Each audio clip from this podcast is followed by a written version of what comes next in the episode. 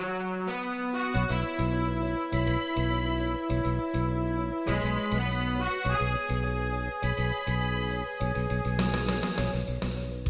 listening to Radio Free Asia. The following program is in Khmer.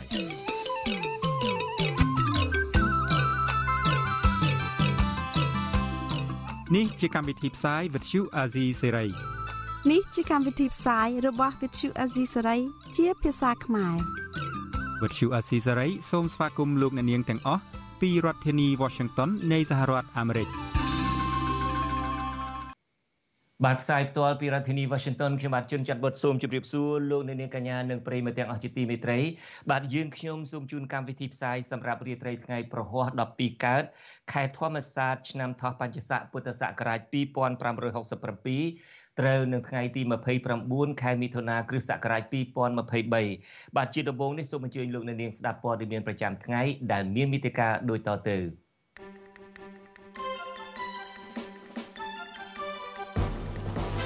បាទអ្នកឃ្លាំមើលថាលោកហ៊ុនសែនយកករណីដ្រូនធ្វើជានយោបាយប្រជាពិធមុនការបោះឆ្នោត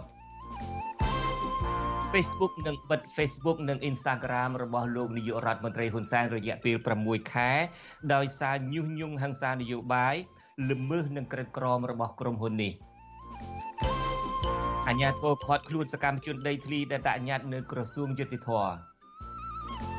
បាទនៅក្នុងការផ្សាយនារីត្រីនេះដែរយើងនឹងពិនិត្យមើលថាតើក្រៅពីល្មើសច្បាប់អន្តរជាតិតើលោកនាយករដ្ឋមន្ត្រីហ៊ុនសែនប្រព្រឹត្ត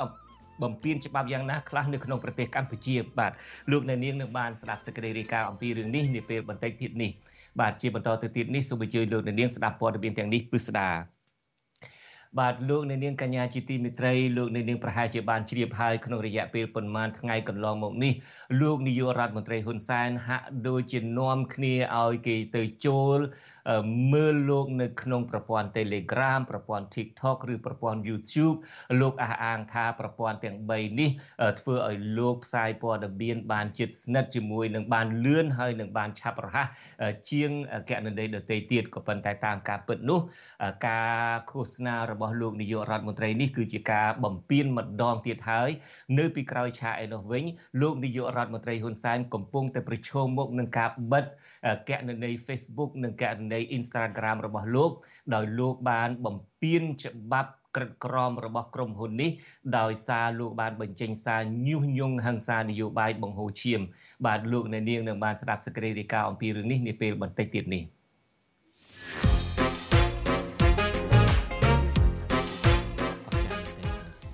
បងចិនយ៉ាត់បត់សួរខ្ញុំមើលថាអ្នកណាជាហ៊ីរ៉ូរបស់ខ្ញុំបាទអ្នកណាជា hero របស់ប៉ូលីសជាជាជនគំរូរបស់ប៉ូលីសខ្ញុំទៅរកឃើញបាទអឺ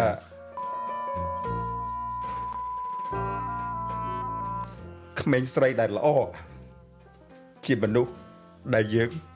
ត្រូវតែយកធ្វើជាគំរូបាទមិនបាច់ទៅដល់ណាឆ្ងាយដល់នៅនឹងអ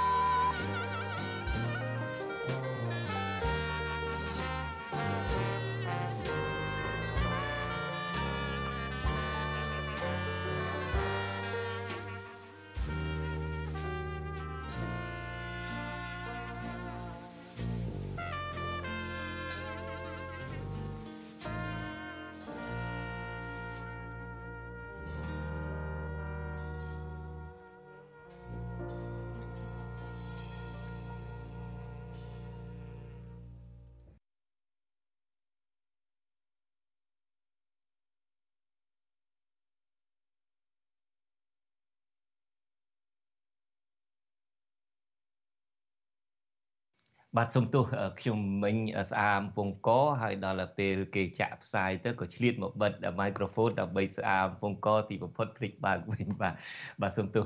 លោកនាងបានឃើញហើយលោកសំពូលីដែលជានាយករបស់អាស៊ីសេរី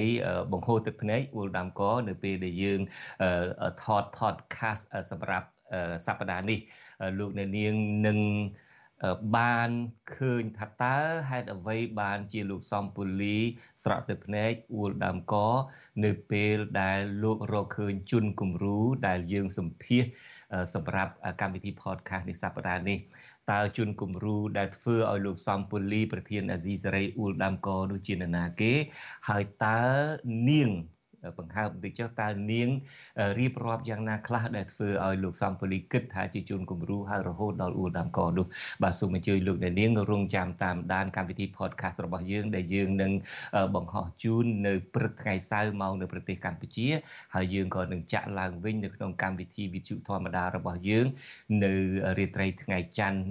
នៃសប្តាហ៍ក្រោយបាទសូមអរគុណបាទលោកនាងកញ្ញាជាទីមេត្រី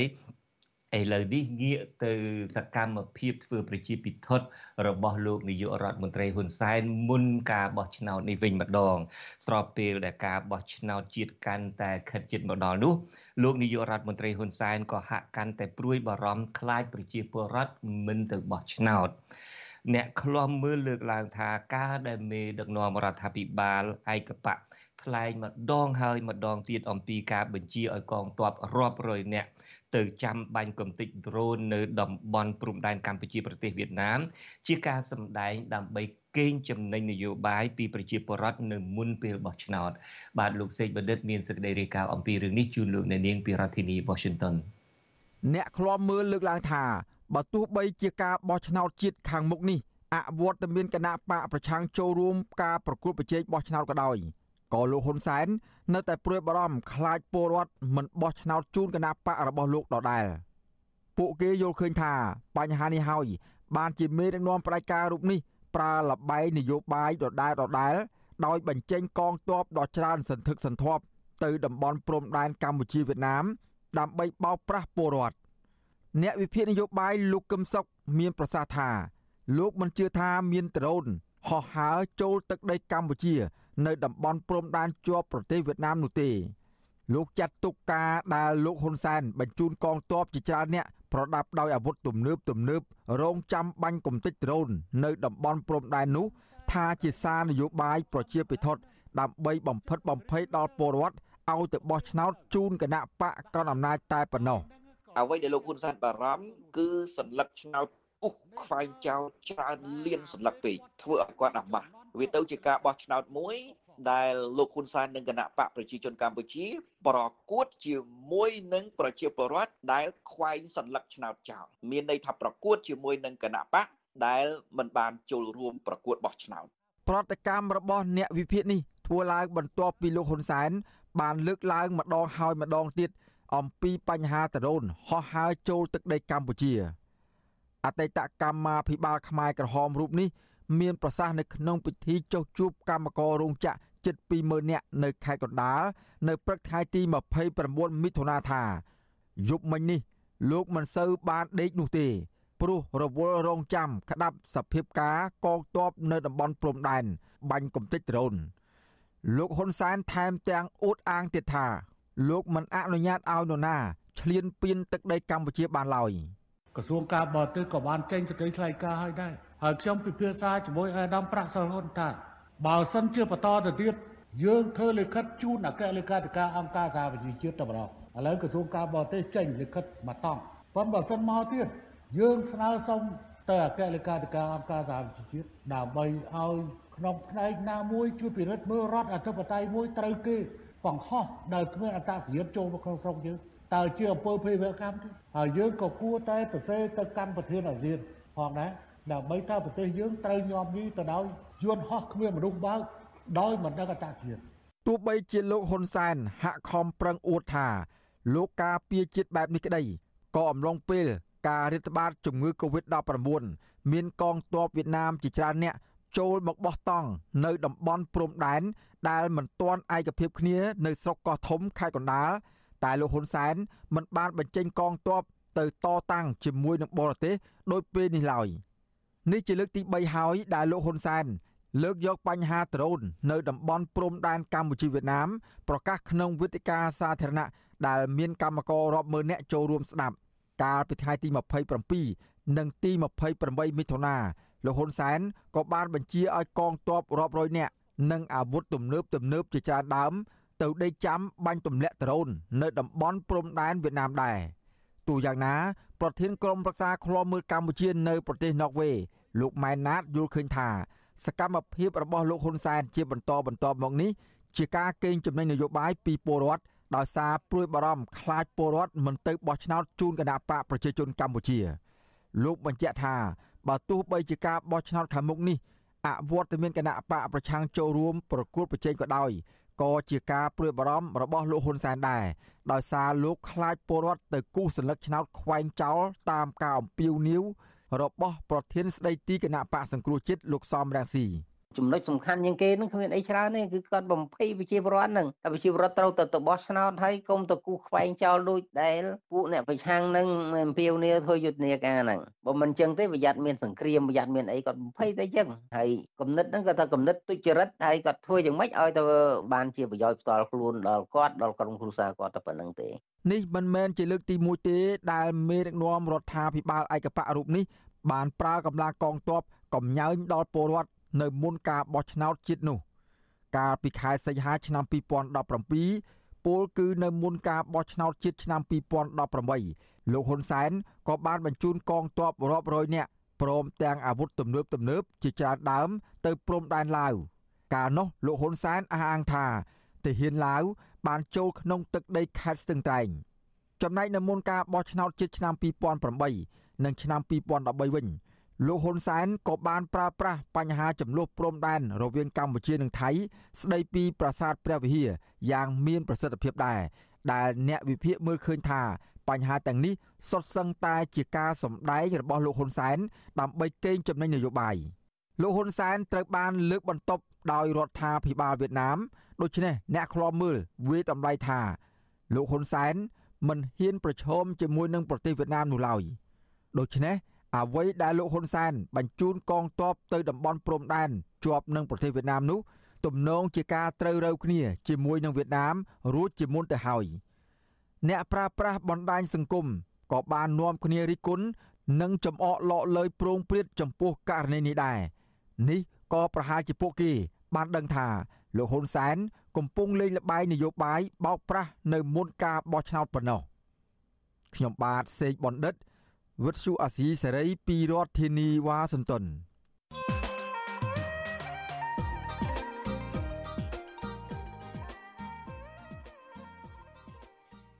បាទលោកនាងកញ្ញាជាទីមេត្រីល្បិចយកបញ្ហាបូរណភាពទឹកដីបញ្ហាបរទេសឈ្លានពានកម្ពុជា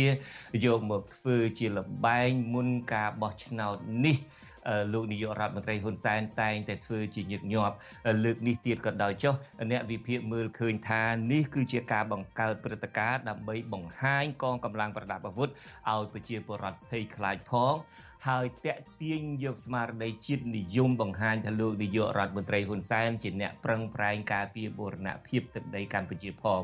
បាទនៅក្នុងថ្ងៃសុក្រសប្តាហ៍នៅសប្តាហ៍នៅថ្ងៃក្នុងនីតិវិទ្យាអ្នកស្ដាប់វិទ្យុអាស៊ីសេរីនាថ្ងៃសុក្រស្អែកនេះ បាទយើងនឹងលើកយកប្រធានបទនេះយកមកពិភាក្សាហើយនីតិវិទ្យាអ្នកស្ដាប់សម្រាប់រាត្រីថ្ងៃសុក្រស្អែកនេះមានលោកទីនសាការីយ៉ាជាអ្នកសម្របសម្រួលបាទសូមអញ្ជើញលោកនាងរងចាំចូលរួមនិងរងចាំតាមដានទស្សនានិងស្ដាប់កម្មវិធីរបស់យើងនារាត្រីថ្ងៃសុក្រស្អែកនេះបាទសូមអរគុណ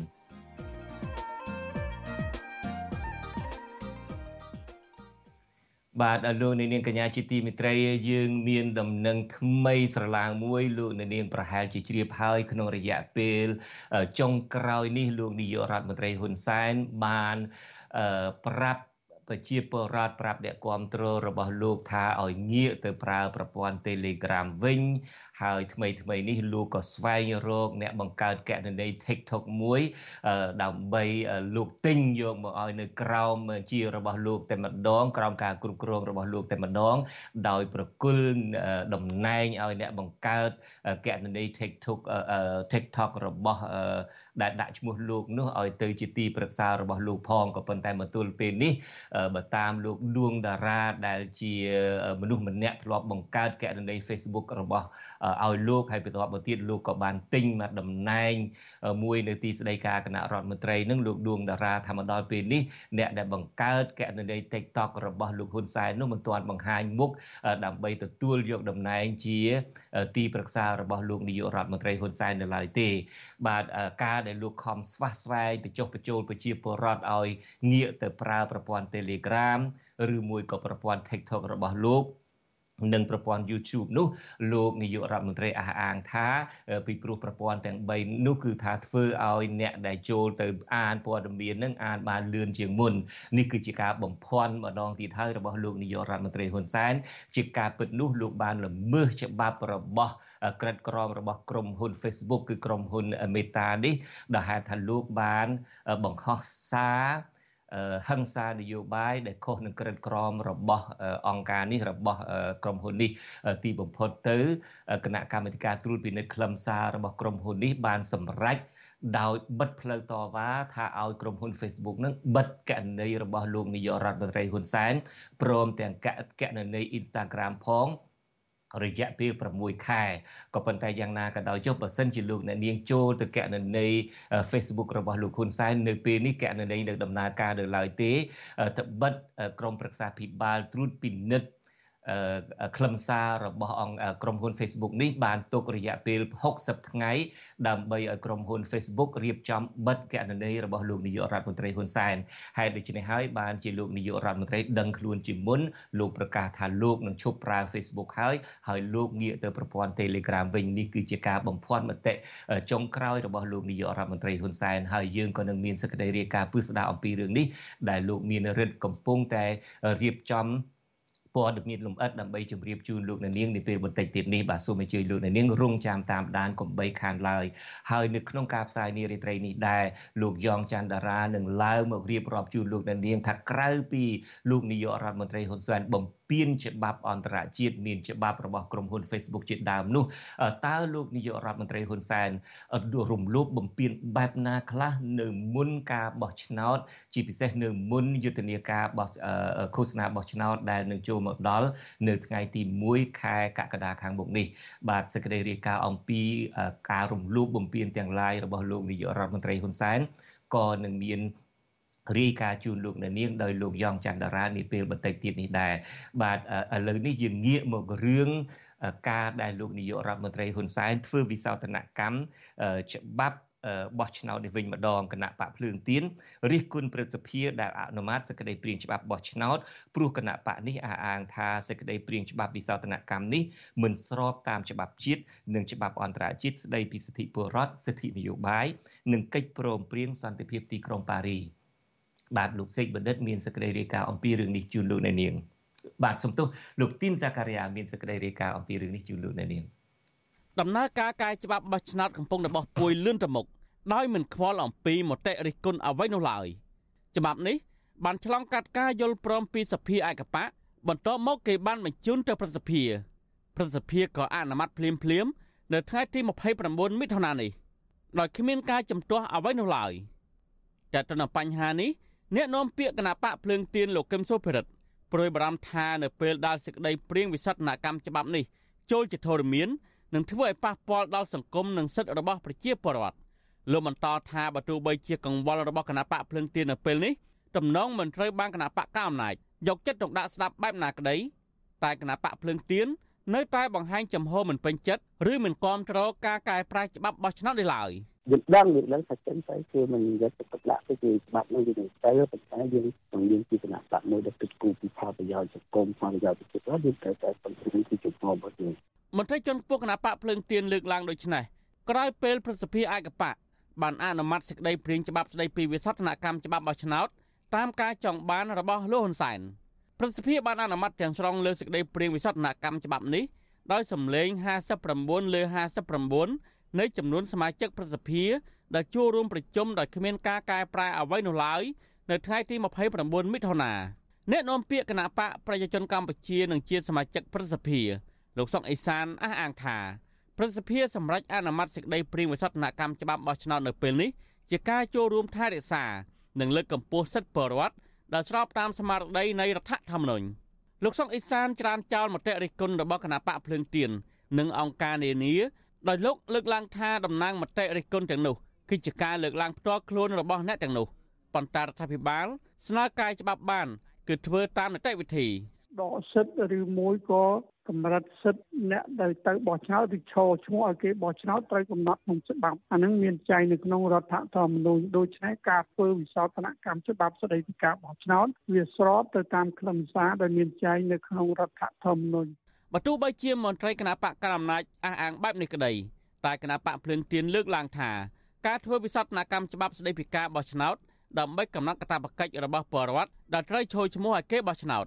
ទាំងការបោះឆ្នោតថ្នាក់ជាតិនិងថ្នាក់ក្រោមជាតិគឺជាការកាត់បន្ថយសិទ្ធិនិងការរឹតបន្តឹងឱកាសនៃការចូលឈ្មោះបោះឆ្នោតរបស់ប្រជាពលរដ្ឋសេចក្តីថ្លែងការណ៍របស់គណៈបកភ្លើងទៀនកាលពីថ្ងៃទី28មិថុនា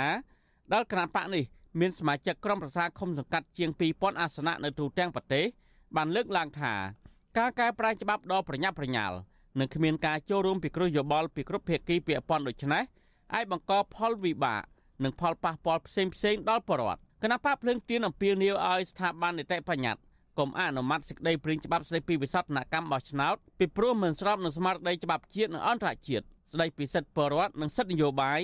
កិច្ចព្រមព្រៀងសន្តិភាពនៅក្រុងប៉ារីស និងរដ្ឋធម្មនុញ្ញដែលជាច្បាប់កម្ពុជារបស់ជាតិក្រៅពីគណៈបកភ្លើងទៀនលើកឡើងដូចនេះអង្គការសង្គមស៊ីវិលនានាក៏បានចេញសេចក្តីថ្លែងការណ៍រិះគន់ការកែប្រែច្បាប់នេះដែរនាយកប្រតិបត្តិអង្គការឃ្លាំមើលការបោះឆ្នោតនៅកម្ពុជាហៅកាត់ថា Netflix លោកសំគុណធីមីលើកឡើងថាបើទោះបីជាការធ្វើវិសោធនកម្មច្បាប់បោះឆ្នោតនេះចែងសម្ដៅលើការរឹតបន្តឹងសិទ្ធិសេរីភាពលើក្រុមមនុស្សដែលចូលឈ្មោះឲ្យគេបោះឆ្នោតក្តីតែអ្នកទាំងនោះក៏ជាបរិវត្តដែរហើយពួកគេ ក៏បានទទួលការធានា ការគោរពសិទ្ធិនិងការអនុវត្តសិទ្ធិនានាដោយបរិវត្តទូទៅដែរលោកបន្ថែមថាការដែលរដ្ឋសភានិងប្រសិទ្ធិតែងតែអនុម័តច្បាប់តាមការចង់បានរបស់រដ្ឋាភិបាលដោយគ្មានការជំទាស់បែបនេះពីព្រោះស្ថាប័នទាំងនោះគ្រប់គ្រងដោយគណៈបក ច្បាប់រដ្ឋធម្មនុញ្ញនិយាយឲ្យពលរដ្ឋមានសិទ្ធិបោះឆ្នោតណាសិទ្ធិបោះឆ្នោតអាស្រ័យលើពលរដ្ឋទេមិនមែនជាកតាប្រតិទេដូចជាឈើឈ្មោះធ្វើបេក្ខជនគណៈបកនយោបាយគឺសិទ្ធិពលរដ្ឋដែរណាសិទ្ធិនយោបាយទេណាដូច្នេះអាហ្នឹងហើយរដ្ឋធម្មនុញ្ញបើកទលាយជាងចង់និយាយណាបាទហ្នឹងហើយបើកទលាយចឹងហើយបានវាឲ្យទ្រមទលាយចឹងបានពលរដ្ឋមានសិទ្ធិគ្រប់គ្រាន់ហើយពលរដ្ឋដែលចង់ឈើឈ្មោះគេបោះឆ្នោតក៏មានសិទ្ធិគ្រប់គ្រាន់ដែរណា សេចក្តីព្រាងច្បាប់ស្តីពីវិសោធនកម្មច្បាប់បោះឆ្នោតមាន8មាត្រា បានចែងដាក់ទោសទណ្ឌនិងពិន័យជាប្រាក់លើបរដ្ឋឬគណៈបកនយោបាយណាដែលបានរារាំងក្នុងដំណើរការបោះឆ្នោតនិងរារាំងមិនឲ្យបរដ្ឋទៅបោះឆ្នោតជាដើមច្បាប់នេះហាមឃាត់អ្នកដែលមិនបានទៅបោះឆ្នោតគឺមិនអនុញ្ញាតឲ្យចូលឈ្មោះឲ្យគេបោះឆ្នោតនោះទេបើទោះបីជារដ្ឋធម្មនុញ្ញចែងថាសិទ្ធិបោះឆ្នោតនិងសិទ្ធិចូលឈ្មោះឲ្យគេបោះឆ្នោតជាសិទ្ធិរបស់បរដ្ឋទូទៅក៏ដោយ។ អ្នកនាំពាក្យគណៈបកកណ្ដាលអំណាចលោកសុកអេសានរំពឹងថាសេចក្តីព្រាងច្បាប់ស្តីពីវិសោធនកម្មច្បាប់បោះឆ្នោតនឹងត្រូវប្រកាសឲ្យប្រើក្នុងពេលឆាប់ឆាប់ខាងមុខនេះទោះជាយ៉ាងណាអង្គការជាតិអន្តរជាតិនិងក្រុមប្រទេសប្រជាធិបតេយ្យរួមមានសហភាពអឺរ៉ុបជាដើមរិះគន់ថាការកែប្រែច្បាប់បោះឆ្នោតនេះគឺធ្វើឡើងគៀកថ្ងៃបោះឆ្នោតយ៉ាងដូចនេះគឺជាការរំលោភរដ្ឋធម្មនុញ្ញហើយអាចប៉ះពាល់ដល់ទំនុកចិត្តនិងភាពស្របច្បាប់ខ្ញុំធីនសាការីយ៉ាអស៊ីសេរីប្រធានីវ៉ាស៊ីនតោន បាទលោកនាងកញ្ញាជាទីមេត្រីតកតងទៅនឹងរឿងបោះឆ្នោតនេះដែរក្រមអ្នកនយោបាយមានទំនាក់ទំនងនឹងគណៈបកសង្គ្រោះជាតិនៅឯក្រៅប្រទេសឯនេះក៏ចាប់ផ្ដើមមានយុទ្ធនាការដើម្បីធ្វើយ៉ាងណាឲ្យប្រជាពលរដ្ឋទៅបោះឆ្នោតក៏ប៉ុន្តែឲ្យគូសស្លឹកឆ្នោតនោះចោល ហើយដែលហេតុថាខែកក្កដានេះថ្ងៃ10ខែកក្កដាដែលនឹងមកដល់នេះត្រូវនឹងខួប7ឆ្នាំនៃការធ្វើឃាតកម្មទៅលើលោកបណ្ឌិតកែមលីផងអឺ ប្រជាពលរដ្ឋខ្មែរនៅក្រៅប្រទេសទាំងនៅសហរដ្ឋអាមេរិកទាំងនៅជប៉ុនបារាំងកាណាដាជាដើមហ្នឹងក៏នាំគ្នារំលឹកដល់បុណ្យខួប7ឆ្នាំលោកបណ្ឌិតកែមលីនេះហើយក៏នឹងបំផុសយ៉ាងណាឲ្យប្រជាពលរដ្ឋទៅបោះឆ្នោតដែរដើម្បីកុំឲ្យគេចាប់ទោសដំណើរក៏ប៉ុន្តែឲ្យគូសសន្លឹកឆ្នោតចោលតើសកម្មភាពនោះបំផុសបំផុលហើយនឹងសកម្មភាពគ្រងរៀបចំពិធីបុណ្យខួបលោកបណ្ឌិតកែមលីនោះប្រព្រឹត្តទៅបែបណាជាបន្តទៅទៀតនេះខ្ញុំបាទមានបទសម្ភាសន៍ផ្ទាល់មួយជាមួយលោកសុផលប៉ែនលោកសលសុផលប៉ែនគឺជាប្រធានគណៈបកសង្គ្រោះជាតិប្រចាំរដ្ឋ Massachusetts នៃសហរដ្ឋអាមេរិកនេះបាទខ្ញុំបាទសូមជម្រាបសួរលោកសុផលបាទបាទសូមជម្រាបសួរបងជុនច័ន្ទបុតហើយក៏សូមជម្រាបសួរប្រិយមិត្តរីសេរីទាំងអស់ជាទីគោរពស្រឡាញ់រាប់អានបាទ បាទខ្ញុំបាទបានដឹងថាគណៈបកសង្គ្រោះជាតិរួមទាំងពលរដ្ឋខ្មែរនៅក្រៅប្រទេសនេះត្រៀមរៀបចំពិធីបុណ្យខួបលោកបណ្ឌិតកែមលីលើកទី7ឆ្នាំខួបទី7ហើយក៏នឹងរៀបចំមានចលនាបំផុសបំផុលឲ្យប្រជាពលរដ្ឋនឹងទៅបោះឆ្នោតដែរបើសិនជាខ្លាចការគៀបសង្កត់អីឬមួយខ្លាចការធ្វើទុកបុកម្នេញអីនោះថាគឺថាឲ្យទៅដែរប៉ុន្តែឲ្យគូសស្លឹកឆ្នោតចោលខ្ញុំចាប់ផ្ដើមអំពីរឿងយុទ្ធនាការឲ្យគូសស្លឹកឆ្នោតចោលនៅវិញយើងឃើញថាមានគណៈបក18ចូលរួមក្នុងការបោះឆ្នោតនេះរួមមានទាំងគណៈបកប្រជាជនកម្ពុជាលេខទី18នឹងផងក៏ប៉ុន្តែយ៉ាងណាក៏ដោយចុះគណៈបកប្រឆាំងដែលធំជាងគេហើយប្រឆាំងពិតប្រកបជាមួយនឹងលោកនាយករដ្ឋមន្ត្រីហ៊ុនសែននោះគឺគណៈបកភ្លើងទៀននឹងត្រូវលោកនាយករដ្ឋមន្ត្រីហ៊ុនហ៊ុនសែនធ្វើយ៉ាងណាដើម្បីកុំឲ្យគណៈបកនឹងចូលរួមបានដូច្នេះការប្រកួតប្រជែងជាមួយគណៈបកប្រជាជនកម្ពុជានឹងមាន7ដណ្ដប់គណៈបកទៀតហេតុអីក៏សកម្មជនគណៈបកនយោបាយគណៈបកប្រឆាំងនឹងមិនឃោសនាឲ្យបំផុសឲ្យប្រជាពលរដ្ឋនឹងទៅបោះឆ្នោតឲ្យគណៈបកណាមួយក្នុងចំណោមគណៈបក17ទៀតនឹងបើសិនជាមិនបោះឲ្យគណៈបកប្រជាជនកម្ពុជាហេតុអីក៏បំផុសឲ្យប្រជាពលរដ្ឋទៅគូសស្លឹកឆ្នោតចោលទៅវិញលោកសុផលប៉ែនបាទអរគុណលោក អឺចង់នឹងជំរាបថាគណៈបកទាំង18រួមទាំងគណៈបកប្រជាជនកម្ពុជាផងយើងបានសង្កេតឃើញថាយើងដឹងហើយថាតើមានគណៈបកណាមួយដែលហ៊ានងើបមកដើម្បីនិយាយឬក៏រិះគន់ឬក៏ធ្វើវិចលនាណាដើម្បីអឺកែតម្រង់រដ្ឋាភិបាលបច្ចុប្បន្នគឺយើងសង្កេតឃើញថាអត់មានទេគឺគណៈបកទាំងអស់នោះ គឺគាត់បានតែដើរតាមភូមិតាមជនបទហើយគាត់ធ្វើចលនាមួយគឺគ្រាន់តែធ្វើម៉េចឲ្យពលរដ្ឋហ្នឹងបោះឆ្នោតទៅដើម្បីឲ្យគាត់បានអំណាចបាននៅក្នុងជួរក្នុងរដ្ឋសភាតែប៉ុណ្ណោះអញ្ចឹងនេះគឺជាការកំភាពកំសោយមួយរបស់អ្នកប្រជាធិបតេយ្យដែលខ្លួនឯងតាំងខ្លួនជាអ្នកប្រឆាំងនឹងលោកហ៊ុនសែនតែទីបំផុតគឺយល់ព្រម ដើរតាមមាគ៌ារបស់គណៈបកមួយជាគណៈបកដែលអញ្ចឹងលោកសុផលគឺថាគណៈបកទាំង7ដណ្ដប់ដតីទៀតនឹងភាកច្រើនគឺជាគណៈបកដែលលោកនាយករដ្ឋមន្ត្រីហ៊ុនសែនបកកើតឡើងមកដើម្បីគ្រាន់ឲ្យមើលឃើញថាការបោះឆ្នោតនឹងគឺមានសេរីពហុបកតែប៉ុណ្្នឹងទេមិនអញ្ចឹងតាមពិតនឹងគឺលោកហ៊ុនសែនបកកើតសឹងតែទាំងអស់អឺទោះជាបង្កើតមិនបង្កើតប៉ុន្តែខ្ញុំសូមជម្រាបថាបើសិនជាគាត់អឺ មានក្នុងគណៈបកហ្នឹងមានគណៈបកខ្លះក៏មានទឹកចិត្តនឹងស្រឡាញ់ជាតិដែរប៉ុន្តែគ្រាន់តែរឿងមួយគួរឲ្យសោកស្ដាយដែលគាត់មិនបានអឺ ធ្វើការប្រឆាំងឬក៏យ៉ាងណាទេគឺគាត់នៅតែលុំលុំលុំលុំដើម្បីជាការយកអំណាចទទួលតំណែងណាមួយពីរដ្ឋាភិបាលតែប៉ុណ្ណោះអញ្ចឹងសួរថាតើសក្តិសង្ឃឹមរបស់ជាតិនឹងវានៅកន្លែងណាប្រសិនបើគាត់នឹងមិនបានបញ្ចេញនៅវោហាសាសឬក៏នៅការប្រឆាំងចំពោះរដ្ឋាភិបាលដែលយើងឃើញទាំងអស់គ្នាអង្គើអាចយុទ្ធធម៌ផ្ទុះទាំងផ្ទៃប្រទេសបាទអានេះគឺជារឿងមួយដែលយើងទាំងអស់គ្នាបានធ្វើចលនាមួយគឺមិនគ្រប់គ្រងគណៈបកណាទាំងអស់ទាំង18ហ្នឹងបាទបាទអឺ រឿងមួយទៀតការដែលបំផុសឲ្យប្រជាពលរដ្ឋទៅខ្វែងសិលឹកឆ្នោតចោលដើម្បីបង្ហាញថាសិលឹកឆ្នោតនេះមិនបានការដើម្បីបង្ហាញពិភពលោកបង្ហាញទៅលោកហ៊ុនសែនថាមានការមិនសប្បាយចិត្តនឹងគណៈបកលោកហើយការដែលរៀបរៀងមិនឲ្យគណៈបកប្រឆាំងចូលរួមនោះ តើលោកយល់ថាការបំផុសនោះអាចធ្វើឲ្យប្រជាពលរដ្ឋជឿបានតាមទេ គេជឿថាចូលទៅក្នុងកតុបសម្ងាត់នឹងគូសស្លឹកឆ្នោតចោលនឹងគេអត់ដឹងមែនទេពីព្រោះថាអ្វីដែល ពួកអាជ្ញាធរភូមិឃុំអីហ្នឹងតែងតែបង្ហាញដល់ប្រជាពលរដ្ឋគម្រាមប្រជាពលរដ្ឋថាគេអាចដឹងថាគាត់ចូលទៅក្នុងបន្ទប់សម្ងាត់ហ្នឹងដឹងថាបោះឆ្នោតឲ្យខាងណាបាខាងណាឬមិនខាងណាអីក៏ដោយចុះលោកសុផលប្រហែលជាដឹងហើយនៅតាមភូមិឃុំហ្នឹងរបៀបគ្រប់គ្រងប្រជាពលរដ្ឋហ្នឹងមិនខុសពីរបៀបគ្រប់គ្រងកាលសម័យខ្មែរក្រហមនឹងប្រមាណទេមានន័យថាគេមានក្រៅតែពីមានមេភូមិមេឃុំនោះគឺមានមេពួកទៅទៀតមេពួកមានន័យថាក្នុងចំណោមគ្រួសារ3គ្រួសារអញ្ចឹងទៅមានមួយគ្រួសារ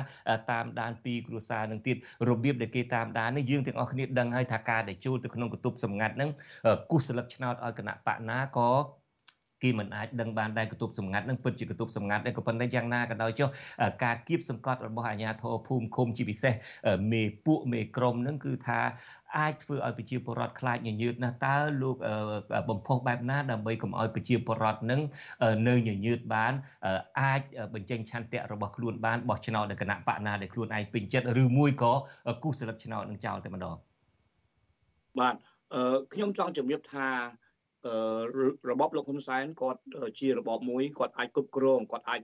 តាមដានគាត់អាចអ្វីអ្វីបានទាំងអស់គាត់អាចមានសិទ្ធិព្រោះជាអំណាចលើគាត់ប៉ុន្តែខ្ញុំចង់ជំរាបឲ្យជូនបងប្អូនប្រជាពលរដ្ឋទាំងអស់ឲ្យបានជ្រាបថាឲ្យយល់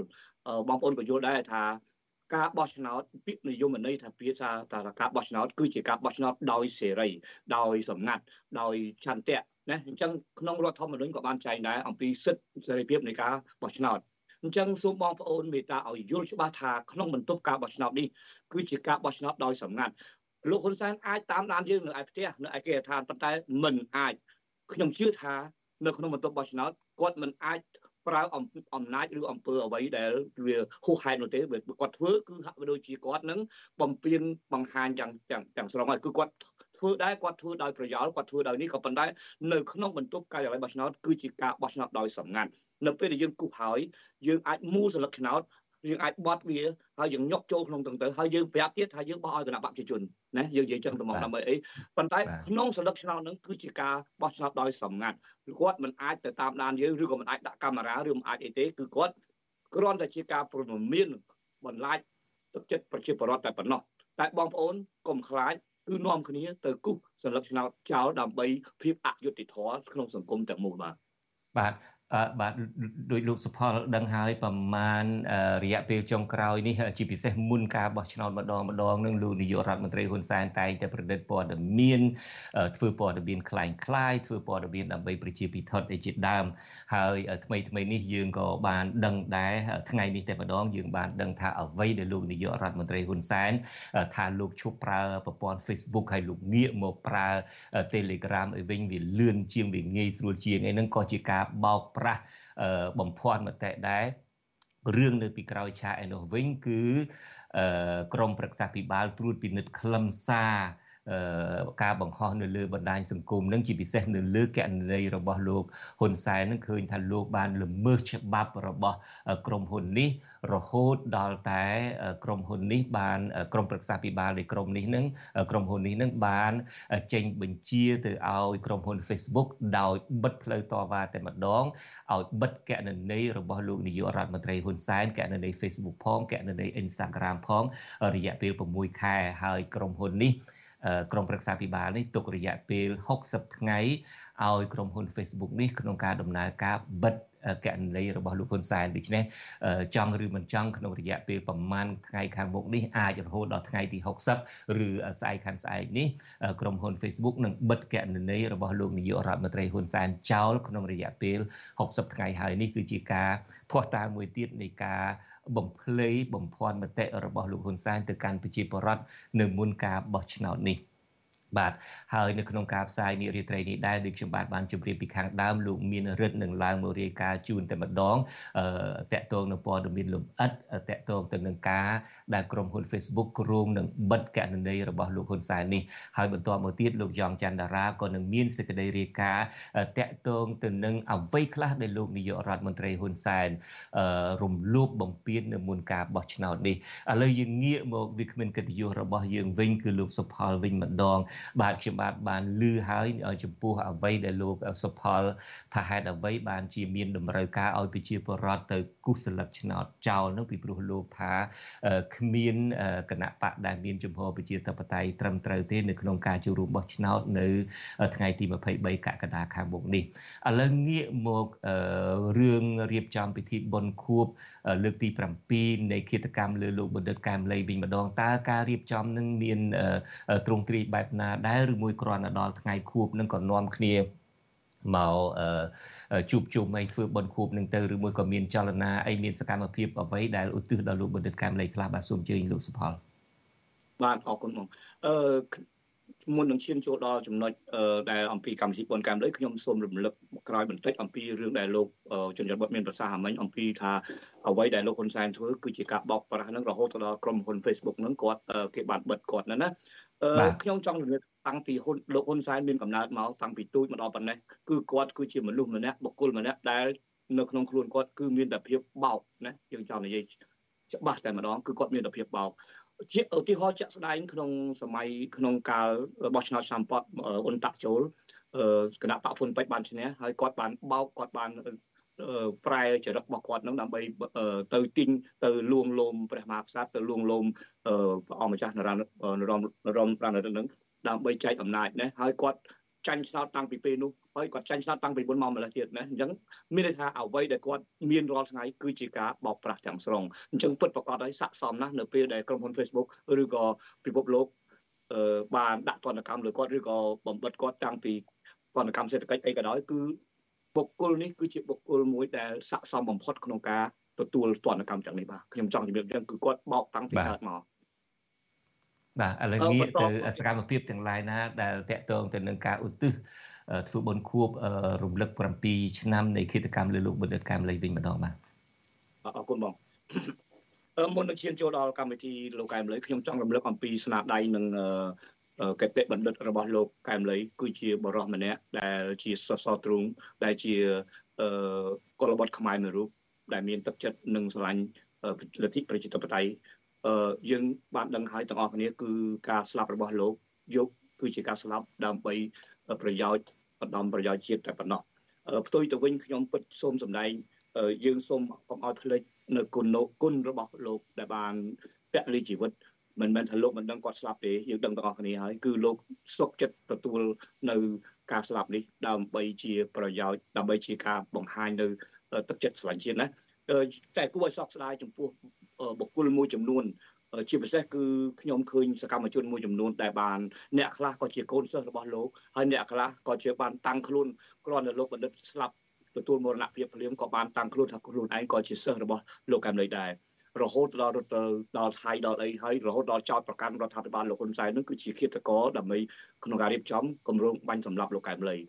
តែផ្ទុយទៅវិញថ្មីថ្មីនេះខ្ញុំឃើញសកម្មជនមួយចំនួន ជាពិសេសគឺប្អូនកូនភ្លោះទាំងពីរនោះគឺបានរត់ចូលក្នុងរដ្ឋាភិបាលដែលបានខ្លួនឯងបានចោទប្រកាន់ថារដ្ឋាភិបាលនេះគឺជាការរៀបចំគម្រោងបាញ់សម្លាប់លោកកែមលីតែទីបំផុតខ្លួនឯងបានចាត់ទងលោកកែមលីជាគ្រូ តែទីបំផុតយើងអាចនៅក្បែរចំពោះគិតកោដែលបាញ់សម្លាប់គ្រូខ្លួនឯងនេះគឺជាអសិលគុណធម៌មួយណាខ្ញុំចង់និយាយអញ្ចឹងឲ្យបានយល់ចំពោះសកម្មជនទាំងឡាយណាដែលកំពុងលងខ្លួនឬក៏កំពុងតែបកក្បាលទៅចូលក្នុងរដ្ឋាភិបាលភ្នំពេញឲ្យបានយល់ថាតើអ្នកឈរនៅកន្លែងណាតើអ្នកបេះដូងអ្នកនៅកន្លែងណាបាទឈានចូលដល់កម្មវិធីលោកកែមលីគឺយើងនឹងធ្វើកម្មវិធីវាមាន3ដំណាក់កាលបាទទី1គឺយើងចាប់ផ្ដើមថ្ងៃនៅនៅថ្ងៃអាទិត្យ ខែកក្កដាទី9នៅវត្តពន្លឺពុទ្ធចក្រទីក្រុងឡូវែលបាទបងប្អូនបានដឹងហើយសូមអញ្ជើញបងប្អូនទាំងអស់គ្នាជុំវិញតំបន់ New England នេះអញ្ជើញចូលរួមបានច្រើនកកកការធ្វើកម្មវិធីប៉ុនលោកកែមលីនេះគឺជាការរក្សាជំហរនឹងនឹងគោលគំនិតរបស់គាត់នឹងស្នាដៃរបស់គាត់ឲ្យបាននឹងណដើម្បីជាប្រយោជន៍ជាការនឹកចងចាំជាការដើរទៅមុខទី2យើងនឹងមានកម្មវិធីមួយទៀតគេហៅថាយុទ្ធនាការយើងមានកម្មវិធីហែណាយើងមានកម្មវិធីហែក្បួនយុទ្ធនាការដើម្បី ទៅគូសសន្លឹកឆ្នោតចោលដើម្បីភាពអយុត្តិធម៌នៅកម្ពុជាអញ្ចឹងសូមអញ្ជើញបងប្អូនទាំងគ្នាកម្មវិធីទាំងពីរនេះគឺជាកម្មគឺកម្មវិធីទី1គឺកម្មវិធីលោកកែមលីកម្មវិធីទី2យើងហែគឺយើងចាប់ផ្ដើមពេលព្រឹកម៉ោង9ដល់ម៉ោង12ជាកម្មវិធីគោរពវិញ្ញាណក្ខន្ធនិងគៀវរកិច្ចចំពោះភ្ញៀវហើយម៉ោង12រហូតដល់ម៉ោង2គឺជាការគឺក្បួនដង្ហែក៏ដើម្បីធ្វើយុទ្ធនាការពីទីក្រុងពីពីវត្តពន្លឺពុទ្ធចក្រទៅកាន់សួនបៃលិន ឯយុទ្ធនាការទី3គឺយើងមានលោកគ្រូសហគមន៍លវែលនេះគឺមានគ្រូមានផ្នែកខាងជំនឿសាសនាគាត់បានស្នើយើងបងប្អូនប្រជាពលរដ្ឋសហគមន៍នោះគាត់បានស្នើយើងដង្ហែរូបលោកហ៊ុនសែនដើម្បីទៅធ្វើពិធីនៅក្នុងសួនបៃលិននោះដែរអញ្ចឹងពិធីនោះយ៉ាងណាយកហែលោកហ៊ុនសែនយកធ្វើពិធីយ៉ាងម៉េចខ្ញុំអត់យល់បាទរឿងអានេះគឺពាក់ព័ន្ធនឹងការហែនេះគឺខ្ញុំមិនបានលម្អិតទេគឺលោកគ្រូអឺគេថាលោកគ្រូក្មេង គាត់អឺដែលជាគ្រូបោកពីជំរំហើយនឹងបងប្អូនប្រជាពលរដ្ឋសហគមន៍នឹងគាត់បានស្នើសូមឲ្យលោកគ្រូនឹងមេត្តាចេញមកដើម្បីធ្វើពិធីសាសនាមួយដើម្បីជាការបញ្ជាក់នៅកំហឹងនឹងការមិនសប្បាយចិត្តរបស់ប្រជាពលរដ្ឋចំពោះមានន័យថាដុតរូបទីមងដុតរូបហ៊ុនលោកហ៊ុនសែនអីចឹងទៅលោកខឹងអស់ហើយខ្ញុំអត់បានដឹងថាតើគាត់មានកម្រងអីទេហើយខ្ញុំនឹងធ្វើសេចក្តីលម្អិតបន្តិចទៀត ពេលដែលខ្ញុំនេះព្រោះប៉ុន្តែជាការស្នើសុំរបស់គាត់ណាអញ្ចឹងយើងថាតើយើងសុំតាមដានទាំងអស់គ្នានៅថ្ងៃ9នេះថាតើគាត់នឹងមានពិធីអីខ្លះព្រោះជំនឿសាសនាលើគាត់យើងអត់បានដឹងទេថាតើផ្លូវជំនឿនិងផ្លូវងងឹតយ៉ាងម៉េចយ៉ាងម៉េចអានេះយើងអត់ដឹងទេប៉ុន្តែសំខាន់លើគាត់ជាអ្នករៀបចំព្រោះគាត់ជាគ្រូគាត់ដឹងបាទបាទ អញ្ចឹងខ្ញុំអរគុណឲ្យលោកសុផលប៉ែនយើងដូចលោកដឹងហើយយើងមានព័ត៌មានក្តៅក្តៅនឹងច្រើនណាស់ដើម្បីផ្សាយជូនលោកអ្នកនាងយើងនឹងតាមដានកម្មវិធីព្រឹត្តិការណ៍ថ្ងៃទី9សកម្មភាពនៅទាំងឡាយនៅថ្ងៃទី9នេះហើយនឹងនាំប្រតិរូបភាពនេះជូនលោកអ្នកនាងតើគ្រូក្មេងមកពីជំរំនឹងដង្ហែរូបលោកហ៊ុនសែននឹងយកទៅធ្វើអីយើងក៏នឹងតាមដានគួរចាប់អារម្មណ៍មែនទែនដូច្នេះសូមឲ្យកម្មវិធីរបស់លោកនឹងប្រព្រឹត្តទៅដោយរលូនហើយបានជោគជ័យខ្ញុំបាទក៏សូមជម្រាបលាលោកសុផលតែប៉ុណ្ណេះបាទបាទសូមអរគុណហើយសូមគោរពអញ្ជើញបងប្អូនទាំងអស់គ្នាចូលរួមក៏បីខកខានឡើយក្នុងការចូលរួមនៅការគ្រប់គ្រងលោកបណ្ឌិតកែមលីបាទសូមអរគុណសូមអរគុណទីលីបាទសូមជម្រាបបាទបាទលោកនាងកញ្ញាជាទីមេត្រីមុននឹងដល់ព័ត៌មានក្តៅនោះយើងមានព័ត៌មានមួយត្រជាក់ចិត្តបន្តិចដើម្បីឲ្យលោកនាងស្វែងយល់បន្តិចអំពី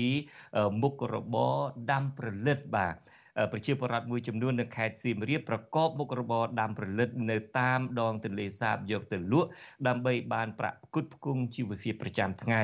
មន្ត្រីសង្គមស៊ីវិលថាអាជ្ញាធរពាក់ព័ន្ធគួរតែមានកម្មវិធីលើកទឹកចិត្ត តាមរយៈបង្រៀនបច្ចេកទេសកសិកម្មនិងពង្រីកទីផ្សារឲ្យបានទូលំទូលាយជូនពួកគាត់ បាទលោកសនច័ន្ទរដ្ឋាមានសេចក្តីរាយការណ៍អំពីរឿងនេះ មានទាំងរូបវីដេអូផងលោកអ្នកនាងនឹងបានទៅចាក់ចិត្តបន្តិចមុននឹងចូលទៅស្ដាប់សេចក្តីរាយការណ៍ក្តៅក្តៅរបស់លោកមានរិទ្ធតកតងទៅនឹងការបិទកណន័យ Facebook របស់លោកហ៊ុនសែនហើយនឹងតកតងទៅនឹងការដែលលោកនាយករដ្ឋមន្ត្រីហ៊ុនសែន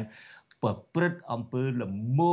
ល្មើសច្បាប់បែបណាមុនរដូវបោះឆ្នោតនេះបាទដូច្នេះជាបន្តទៅទៀតនេះគឺជាសេចក្តីរាយការណ៍វីដេអូមួយរបស់លោកសនច័ន្ទរដ្ឋាអំពីការប្រកបរបរដាំប្រលិត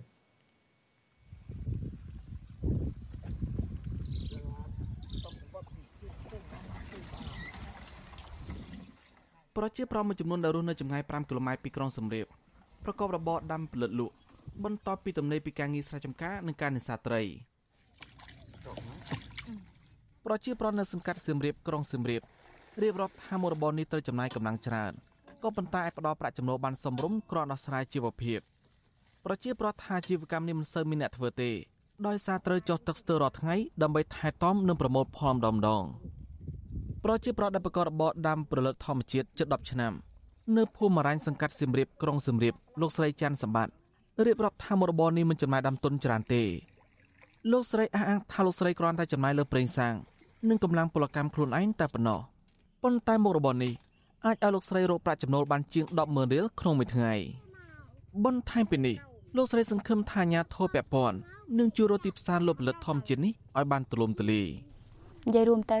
របរនេះវាកັບភាសាវាកັບភាសាហើយនិយាយរួមទៅ វារបរខ្ញុំវាមិនសូវដែរដាច់ទៅវាអាចទប់ទល់ទប់បានក្នុងគ្រួសារនិយាយរួមទៅអាចសល់ខ្លះវាអាចសល់និយាយរួមទៅបើកម្លាំងនៅតែមាននៅតែធ្វើព្រោះអីយើងខ្ញុំគិតថាបើសិនណាជាខ្ញុំអត់ចេះអីបើសិនណាជាទៅធ្វើជាកម្លាំងពលកម្មឲ្យគេខ្ញុំលឺទៅគេខ្លះគេថាអូអត់បានលុយចំណាយកម្លាំងហើយខ្លះណាបានខ្លះណាអត់បានមេកាបោកឬក៏ជាងគេនិយាយរួមទៅវា ស្ដាប់តាមតែគេបញ្ហាបញ្ញាមិនដែលបានធ្វើការគេទេ ការងាររបរោទៅខ្លួនឯងផុតផុតខែផលិតខ្ញុំគ្រួសារខ្ញុំកាត់រត់ត្រី តែក៏មានស្រែក្រិនធ្វើខ្លះដែរបើបន្តិចជើងខំអីផងជើងខំប៉ុនរៃតែណាំដួលជាធម្មតាប្រជាប្រដ្ឋខ្មែរមិនថាឡើយអ្នកជនបទឬក៏ទីក្រុង តែងតែយកដើមប្រលិតធ្វើជាបន្លែអន្លក់ឬក៏ស្លឆាជាដើម អ្នកដាំប្រលិតម្នាក់ទៀត វ័យ72ឆ្នាំលោកព្រឿងសានរៀបរាប់ថាលោកអាចរកប្រាក់ចំណូលបានតិចតួចពីមុខរបរនេះដោយសារលោកមិនសូវមានកម្លាំងនិងមធ្យោបាយដឹកផលិតទៅលក់ដោយខ្លួនឯងដូច្នេះលោកមកឈ្មោះមកទិញផលិតរបស់លោកក្នុងមួយរដូវកាលតម្លៃ30ម៉ឺនរៀលវាបាំគ្រប់គ្រប់អាចិត្តដាំដាំទៅយើងទៅណាចាស់ហើយទៅដាំដាំទៅដាំគួនដាំផលិតទៅថាមានផលិតដូងហើយយើងដាំផលិតដូងទៅផលិតដូងទៅអស់ខែវា ខែចូលភាសានោះបានមានដុះផលិតនេះអត់បាក់ខែភាសាខែណាទៅដោះមានទឹកមានទឹកដោះឲ្យពេញធឹងហើយនេះផលិតនេះយកឲ្យវាចលោះទុកពីរកាត់ថ្មីបាត់កាត់បាំងក៏3បាំងប្រជាប្រដ្ឋចាប់ដាំដាំប្រលិតចាប់ពីខែកុម្ភៈហើយត្រូវរងចាំរយៈពេល2ខែទើបអាចចាប់ផ្ដើមបេះលក់បានបើទោះបីជាយ៉ាងណាការប្រមូលផលនៅបញ្ចប់នៅត្រឹមចុងខែតុលាប៉ុណ្ណោះ ដោយសារទឹកទន្លេឡើងច្រើនមន្ត្រីអង្គការសង្គមស៊ីវិលលើកឡើងថាបញ្ហាជីវភាពរបស់ប្រជាពលរដ្ឋតាមមូលដ្ឋានគឺជាកត្តាអត្តភាព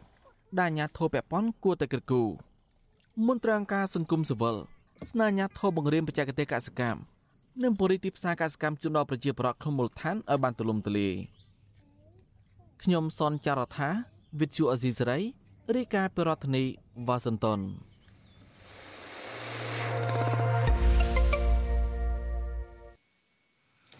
បាទលោកនាងកញ្ញាជាទីមេត្រីឥឡូវនេះយើងនឹងមានសេចក្តីរាយការណ៍ផ្ទាល់តែម្ដងតាក់ទងទៅនឹងព្រឹត្តិការណ៍ក្តៅក្តៅនៅមុនការបោះឆ្នោតនេះលោកអ្នកនាងជ្រាបហើយថាយុទ្ធនាការឃោសនាបោះឆ្នោតនៅមិនទាន់មកដល់ទេក៏ប៉ុន្តែមុនការចូលមកដល់នៃយុទ្ធនាការឃោសនាបោះឆ្នោតនេះលោកនាយករដ្ឋមន្ត្រីហ៊ុនសែនបានចេញទៅឃោសនាស្ទើរតែរាល់ថ្ងៃក្រៅតែពីការឃោសនា បំពេញទៅនឹងច្បាប់ឃោសនាបោះឆ្នោតនេះលោកនាយករដ្ឋមន្ត្រីហ៊ុនសែនក៏មាន ក៏បានមានសកម្មភាពជាច្រើនទៀតណាស់ល្មើសទៅនឹងច្បាប់រដ្ឋធម្មនុញ្ញល្មើសទៅនឹងច្បាប់បោះឆ្នោតជាដើម ជាបន្តទៅទៀតនេះយើងមានសេចក្តីរាយការណ៍ផ្ទាល់របស់លោកយ៉ងច័ន្ទរា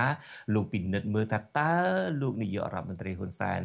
បានធ្វើអ្វីខ្លះបំពេញនឹងច្បាប់រដ្ឋបំពេញនឹងច្បាប់រដ្ឋធម្មនុញ្ញបំពេញនឹងច្បាប់បោះឆ្នោតរបស់កោជបគណៈកម្មាធិការជាតិរៀបចំការបោះឆ្នោតហើយបន្ទាប់ពីលោកយ៉ងច័ន្ទរាទៅដូចខ្ញុំបាទបានជម្រាបជូនលោកអ្នកនាងលោកមានរិទ្ធនឹងត្រៀមខ្លួនរាយការណ៍ផ្ទាល់លំអិតតកតងទៅនឹងការដែល Facebook រៀបចំបិទកណន័យ Facebook របស់លោកនាយករដ្ឋមន្ត្រីហ៊ុនសែនហើយនឹងកណន័យ Instagram របស់លោករយៈពេល6ខែបាទឥឡូវនេះយើងចាប់ផ្ដើមដោយលោកយ៉ងច័ន្ទតារាជាមុនសិនជម្រាបសួរតារាបាទបាទជម្រាបសួរលោកជុនច័ន្ទបុតនិងជម្រាបសួរប្រិយមិត្តអ្នកតាមដានវិទ្យុអាស៊ីសេរីទាំងអស់ជាទីមេត្រីបាទ បាទយ៉ងច័ន្ទតារាខានឡើងមករៀបរាប់នឹងយូរណាស់មកហើយហើយនៅពេលដែលតារាឡើងរៀបរាប់នឹងក៏ងាយស្ដាប់ងាយយល់បង្ហាញនៅភ័ស្តុតាងជាក់ស្ដែងដោយដែលយើងធ្លាប់រៀបរាប់ពី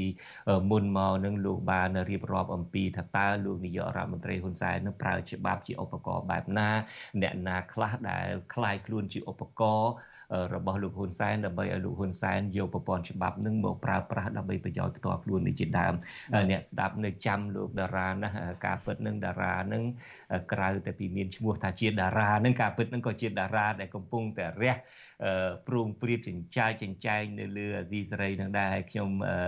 រីករាយណាស់បានឃើញតារានឹងរះឡើងហើយក្រៅតែពីតារា ក្មេងកំពុងរះនេះនៅអាស៊ីសេរីនឹងក៏មានតារាចាស់មួយទៀតនឹងក៏កំពុងតែរះដែរគឺមេអាស៊ីសេរីនឹងតែម្ដងលោកសំពូលីនឹងដែលឡើងមកធ្វើ podcast នឹងក៏កំពុងតែឆក់ដួងចិត្តមនុស្សនឹងបានច្រើនណាស់ហើយខ្ញុំក៏រីករាយដែរដែលនៅអាស៊ីសេរីពេលនេះនឹងមានតារារះព្រមព្រៀតនឹងច្រើនមានទាំងតារាចាស់មានទាំងតារាក្មេងជាដើមឥឡូវនេះងាកមករឿងរបស់យើងវិញម្ដងតារាហើយសូមទោសមុននឹងទៅជែកគ្នាថ្ងៃហ្នឹង កំពង់កនឹងរៀងធ្វើទុកមែនតែនមិនមានផ្ដាសាយអីទេប៉ុន្តែជួនកាលកំពង់កហ្នឹងវាធ្វើទុកតែម្ដងលោកជុនច័ន្ទវត្តប្រហែលជាពីក្នុងពោះមកមានរឿងជាច្រើនដែលចង់រៀបរាប់ប្រាប់អ្នកស្ដាប់យើងទៀតដឹងលោកជុនច័ន្ទវត្តដល់ចឹងទៅមកមិនតន់មិនចឹងទេជំងឺរបស់ខ្ញុំនឹងកំពង់កហ្នឹងជួនកាលហ្នឹងនិយាយអត់ចេញកន្លះខែចឹងទៅពេទ្យអត់ឲ្យនិយាយកន្លះខែចឹងទៅកំពុងតែនិយាយនិយាយចឹងទៅ ប៉ុន្តែមិនអីទេខ្ញុំក៏ទ្រាំរៀនរស់ទៅនឹងជំងឺរបស់ខ្លួនឯងហ្នឹងហើយក៏ចេះតែដំណើរការទៅបានយ៉ាងល្អទៅដែរឥឡូវងាកមករឿងយើងនេះវិញឥឡូវរៀបរាប់ដោយត្រួសត្រាសមើលតារាតើលោកហ៊ុនសែននឹងមានទង្វើអីខ្លះដែលជាចាត់ទុកថាជាការរំលោភបំពាននោះបាទបាទអរគុណលោកជុនច័ន្ទបុតនិងប្រិយមិត្តអ្នកតាមដានវិទ្យុអេស៊ីសេរីទាំងអស់ជាទីមេត្រីឥឡូវនេះ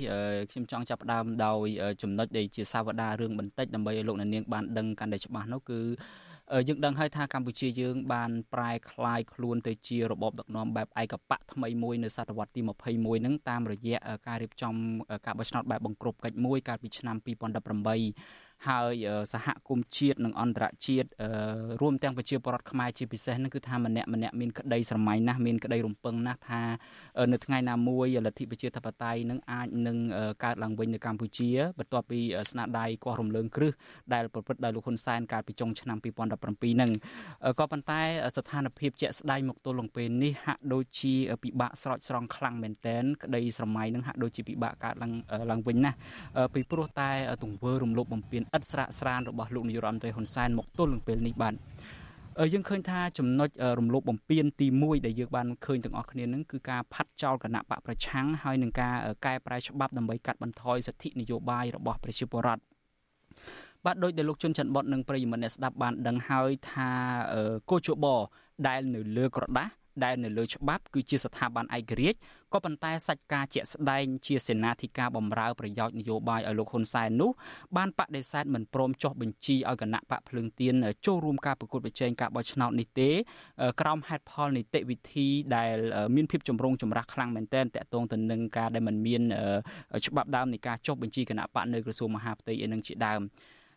តាមការពិតទៅរឿងនេះហេតុផលណាមួយក៏ចេះតែលើកមកបកស្រាយទៅក៏ប៉ុន្តែអ្នកណាអ្នកណាក៏អាចកាត់ន័យយល់បានដែរថានេះគឺជាចេតនារបស់លោកហ៊ុនសែនតែម្ដងដើម្បីបដិសេធមិនអោយគណៈបកភ្លើងទៀននឹងចូលរួមការបោះឆ្នោតដោយហេតុតែគណៈបកភ្លើងទៀនទទួលបានសម្លេងឆ្នោតច្រើនលានសម្លេងជាង1លានសម្លេងនៅក្នុងការបោះឆ្នោតគុំសង្កាត់នឹងអាចជាការគម្រាមកំហែងទៅដល់គណៈបកប្រជាជនកម្ពុជារបស់គាត់នៅក្នុងការបោះឆ្នោតបាទ ក្នុងការបោះឆ្នោតអាណត្តិទី7នេះ ហើយយើងឃើញថាលោកហ៊ុនសែនគាត់បានតាមការពិតបានគម្រាមរំលាយគណៈបកភ្លើងទៀនហ្នឹងជាច្រើនដងដែរដោយលោកចោទថាមានការជាប់ពាក់ព័ន្ធទៅនឹងលោកសំរងស៊ីហើយនឹងក្រុមរបស់លោកសំរងស៊ីនៅក្រៅប្រទេសហ្នឹងប៉ុន្តែចុងក្រោយលោកហ៊ុនសែនគាត់មិនរំលាយទេគឺគាត់ជ្រើសរើសយកវិធីបិទផ្លូវមិនឲ្យគណៈបកនេះចូលរួមការបោះឆ្នោតនឹងតែម្ដង អឺបិទផ្លូវគណៈបកភ្លើងទៀនមិនឲ្យចូលរួមការបោះឆ្នោតហើយនឹងគឺថាមិនអស់ចិត្តទេលោកហ៊ុនសែនត្រូវតែធ្វើរឿងមួយទៀតដែល ជារឿងមួយដែលគួរឲ្យភ្ញាក់ផ្អើលមែនទែនគឺការកែប្រែច្បាប់បោះឆ្នោតនៅរយៈពេលត្រឹមតែប្រមាណជាង1ខែនៅមុនការបោះឆ្នោតប៉ុណ្ណោះដើម្បីអីគឺដើម្បីក្នុងគោលដៅដកហូតនៅសិទ្ធិចូលឈ្មោះឲ្យគេបោះឆ្នោតឲ្យរបស់មន្ត្រីគណៈបកប្រឆាំងនៅក្នុងករណីដែលពួកគាត់នឹងធ្វើពហិការមិនចូលរួមការបោះឆ្នោតដែលគេមើលឃើញថាជាការបោះឆ្នោតបែបបង្ក្រប់កិច្ចជាថ្មីទៀតនៅអាណត្តិទី7នេះលោកជុនច័ន្ទបុតហើយបើយើងពិនិត្យមើលទៅច្បាប់នេះអឺមានការចែងអំពីការដាក់ទោសទណ្ឌទៅលើទាំងបុគ្គលផង ទាំងទៅលើគណៈបកនយោបាយផងទោសទណ្ឌហ្នឹងគឺមានការពិន័យជាប្រាក់ហ្នឹងរហូតពី5លានរៀលទៅ30លានរៀល តែរឿងហ្នឹងគឺមធ្យមទេងុំគឺការបាត់បង់ឱកាសនៅក្នុងការឈរឈ្មោះឲ្យគេបោះឆ្នោតឲ្យឯណោះទេសម្រាប់បុគ្គលវិញគឺថាគេអាចដកហូតសិទ្ធឈរឈ្មោះឲ្យគេបោះឆ្នោតឲ្យហើយបើបកនយោបាយវិញគឺมันអាចចូលរួមការបោះឆ្នោតផងក៏មានហើយនៅត្រង់ចំណុចនេះដើម្បីឲ្យលោកអ្នកនាងបានជ្រាបច្បាស់ដើម្បីជាតលហិកជាក់ស្ដែងខ្ញុំសូមឲ្យលោកអ្នកនាងទស្សនាសម្រងសម្ដីមួយរបស់លោកហ៊ុនសែនដែលគាត់ជាអ្នកនិយាយដោយខ្លួនឯងទេចំណុចនេះបាទបាទចេញសារ ដើម្បីវាយអ្នកឯងឲ្យចំកញ្ចប់បាត់ហើយវាយផ្ដាច់ព្រាត់តែម្ដងគឺនៅត្រង់ថាបើអ្នកឯងមិនបានបោះឆ្នោតថ្ងៃ23ខែកក្កដាឆ្នាំ2023អ្នកឯងគ្មានសិទ្ធិឈរឈ្មោះឲ្យគេបោះឆ្នោតសម្រាប់តំណែងក្រុមប្រឹក្សាគុំសង្កាត់តំណែងក្រុមប្រឹក្សាស្រុកខណ្ឌក្រុង ខេត្តរាជធានី សម្រាប់តំណែងសមាជិកព្រឹទ្ធសភានិងតំណែងសមាជិករដ្ឋសភានៅឆ្នាំ2028បាទលោកជុនច័ន្ទបុតរឿងបដិសេធមិនអោយគណៈបកភ្លើងទៀនចូលរួមការបោះឆ្នោតនេះគឺថាមែនតែនទៅបុករួមទាំងការកែប្រែច្បាប់លឿនរហ័សដោយផ្លេចបន្ទោហ្នឹងគឺថា វារំលោភទាំងកំរោលទៅលើសិទ្ធិបោះឆ្នោតនិងសិទ្ធិចូលឈ្មោះឲ្យគេបោះឆ្នោតឲ្យដែលជាសិទ្ធិធានានៅក្នុងច្បាប់ជាតិផងនៅក្នុងច្បាប់សិទ្ធិមនុស្សអន្តរជាតិផងហើយបើតាមអ្នកជំនាញឬមួយក៏អ្នកសិក្សាផ្នែកច្បាប់មួយរូបគឺលោកវ៉ាន់ចាន់ឡូតនឹងគាត់ប្រៀបប្រដូចពាក្យនេះគាត់ប្រៀបប្រដូចថាករណីនេះគឺប្រៀបបានទៅនឹងការយកទឹកអាស៊ីតទៅចាក់ស្រោចរំលាយឬគល់ប្រជាធិបតេយ្យនៅកម្ពុជាតែម្ដងលោកជុនច័ន្ទបតបាទ បាទបាទនេះគឺជាការរំលោភបំពានទី1ដោយតារាបានរៀបរាប់អញ្ចឹងគឺថាបំបិតមិនអោយគណៈបកមួយដែលត្រឹមត្រូវចូលរួមប្រកួតប្រជែងគាត់មិនជ្រើសរើសការរំលាយទេក៏ប៉ុន្តែវាដូចតែរំលាយដែរគឺថាមិនអោយអ្នកឯងចុះឈ្មោះបោះឆ្នោតហើយហើយក៏ចាប់ផ្ដើមធ្វើទុកបុកម្នេញ ដល់សកម្មជនដល់អីដូចយើងឃើញហើយអ្នកខ្លះក៏ចាប់ដាក់គុកទៅអ្នកខ្លះទៀតក៏លោកទិញដោយទ្រព្យសម្ភារៈទៅក៏ទិញដោយតែងតាំងអីគេដើមហើយយើងក៏នឹងទៅជែកគ្នាអំពីរឿងនេះនាពេលបន្តិចទៀតដែររឿងមួយទៀតចុះអាការសម្លុតចង់សម្បាញ់សម្លាប់បាញ់អីនឹងនៅមុនការបោះឆ្នោតនឹងអានឹងចាត់ទុកថាជាការ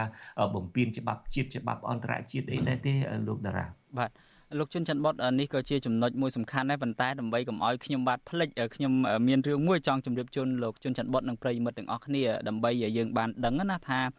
អឺវងកញ្ចក់ដែលខ្ញុំចង់បើកនៅទីនេះគឺមានបុគ្គលកុនលឹះពីររូបដែលជាសេនាធិការជួមុខហើយដែលប្រវត្តិសាស្ត្រកម្ពុជានឹងចាឈ្មោះពួកគាត់ទាំងពីររូបទុកនៅក្នុងប្រវត្តិហ្នឹងគឺថាដែលជួយទាញប្រទេសកម្ពុជាឲ្យផុងខ្លួនកាន់តែជ្រៅនៅក្នុងរបបដឹកនាំបែបឯកបៈ ថ្មីនៅនៅអាណត្តិនេះគឺទី1ណាគេទៅណាគេទៅពីរអ្នកហ្នឹងតិចម្ដងតិចម្ដងបាទទី1គឺលោកប្រាច័ន្ទដែលជាប្រធានកោជបតែម្ដងបាទលោកជនច័ន្ទបុតលោកប្រាច័ន្ទនេះគាត់ជាមនុស្សស្មោះស្ម័គ្រគឺជាមន្ត្រីដែលយើងហៅថាជាប្រភេទមនុស្សរ៉ាឌីកាល់នៃគណៈបកប្រជាជនកម្ពុជាមនុស្សដែល